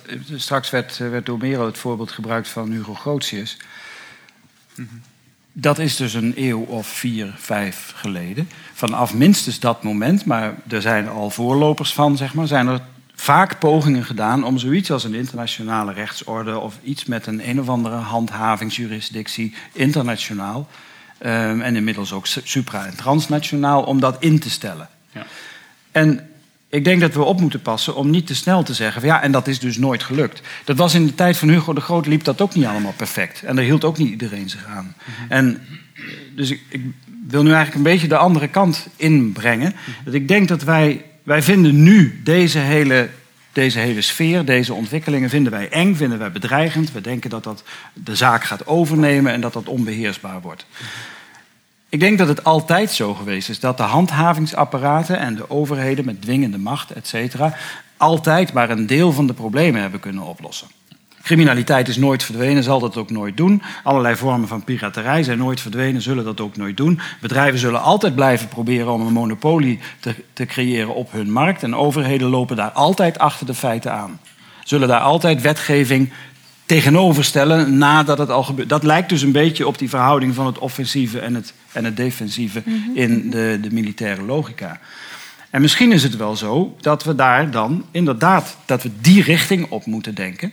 En het is wel, ik weet niet of wie van jullie wel eens bij het Vredespaleis in Den Haag geweest is bijvoorbeeld. Je kunt zeggen de internationale rechtsorde functioneert niet, maar er worden ook ongelooflijk veel casus heel succesvol afgehandeld. Het is ook een succesverhaal. Dus ik denk dat dat, dat heeft ook te maken met onze, onze droom. En dat heeft misschien wel weer iets te maken met die mensen met een goed hart. We zouden willen dat dat er allemaal niet was in de wereld. We zouden willen dat de wereld één grote universiteit was met, hoop, met hoogopgeleide mensen die met de beste bedoelingen met apenstaartjes spelen. dat is wat we, wat we graag zouden willen. En dat is ook het soort mensen dat hier nu zit waarschijnlijk. Ja? Oh ja, apenstaartjes. Ja. Vooral met de apenstaartjes. maar zo zit de wereld niet in elkaar en zo heeft hij nooit in elkaar gezeten. En de rechtshandhaving is altijd gedeeltelijk en altijd tekortschietend geweest. Ik denk dat dat... Nee, jij bent jurist, maar... Zeker. En vanuit de zaal ja. daarboven. Dus terwijl de microfoon gaat, uh, ga je gang, Merel. Ik ben het helemaal met je eens. Boven in de zaal. Nou, daar misschien iemand niet. ja, ja. Um, ik was laatst bij een um, bijeenkomst met uh, Gerard Smit uh, van uh, IBM, de verantwoordelijke. En moet, doet me heel even denken aan eh, wat je zei, zo van dat er niks verandert. Maar de komende generatie computers, en dus na de generatie Watson, is er ook mee eh, ingespeeld om op het onderbewuste van een mens voor de computer bewust te krijgen. En volgens mij ga je dan de komende tijd een grens over waarin dus wat jij zegt van er zal niks veranderen, maar dat is allemaal binnen het stramien van het bewuste zoals wij dat kennen van de mens. Op het moment als je een generatie computers gaat ontwikkelen voorbij de Watson-generatie, die in staat is ons onderbewuste, nou ik zeg niet te beheersen, maar dat is misschien de volgende stap op in te Mhm, spelen, dan krijg je toch weer een ander speelveld. Maar dan zullen we moeten doen wat Merel daar straks aanduidde. Dan zullen we computers moeten ontwikkelen die dat, te, die dat te niet kunnen doen. Of die daarmee om kunnen gaan. En die zullen dan inderdaad slimmer zijn dan wij. Maar een kernbom is op een bepaalde manier ook slimmer dan wij. Kan makkelijker doden bijvoorbeeld. Ja. Daar is, dus mijn stelling is niet dat er niks verandert.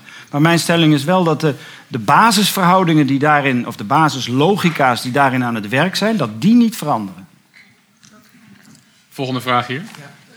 Ik wilde toch even ehm, reageren op dat.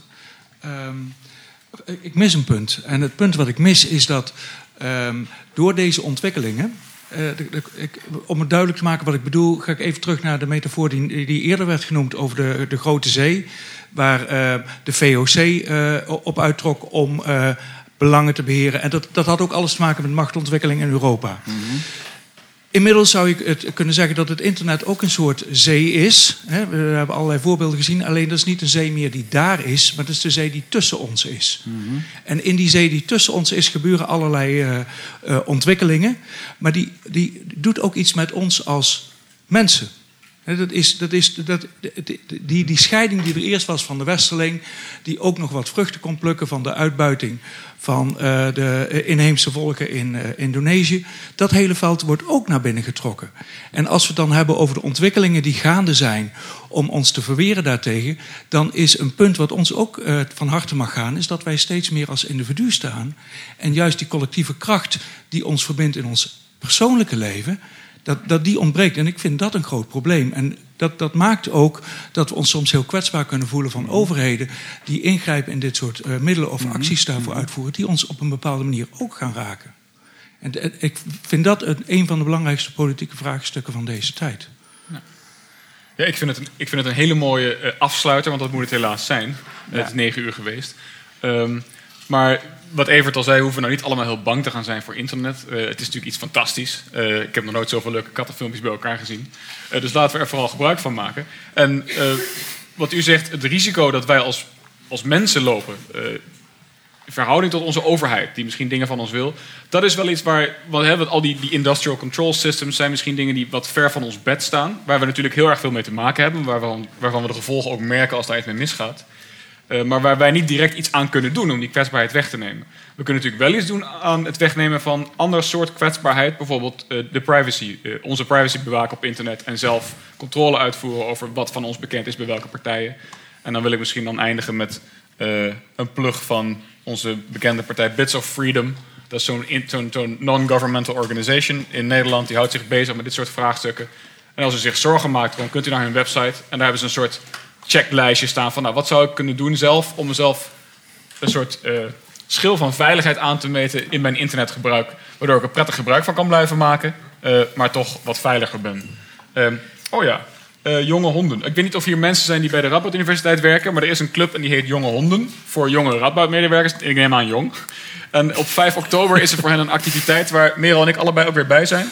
Waarin we ook in gesprek gaan over dit soort onderwerpen. En ook gaan aanmeten van, goh, hoe kan je je nou online een beetje veilig bewegen? Ik heb vandaag mijn allereerste encrypted e-mail gestuurd naar Merel. Eh, dit is ook aangekomen, zij kan hem openen. Dus alleen Merel en ik konden zien wat er in die e-mail stond. Eh, voor iedereen zal het verder een geheim blijven. Het was niet zo'n boeiende e-mail. Eh, maar dat zijn dus dingen die Ja, dat je... zeggen ze altijd. Ja, ja, nou ja, je zult het niet weten. Hè?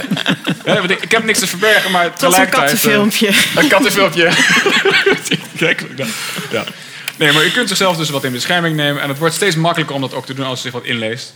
Eh, dus ik zou zeggen, eh, ga voort, maak prettig gebruik van internet. Eh, heel erg bedankt voor uw komst allemaal. En ik zie u graag bij een volgende activiteit van Radboud Reflex. Daarvan zijn er weer heel veel dit jaar. Graag tot dan. Fijne avond. Dankjewel. Dankjewel.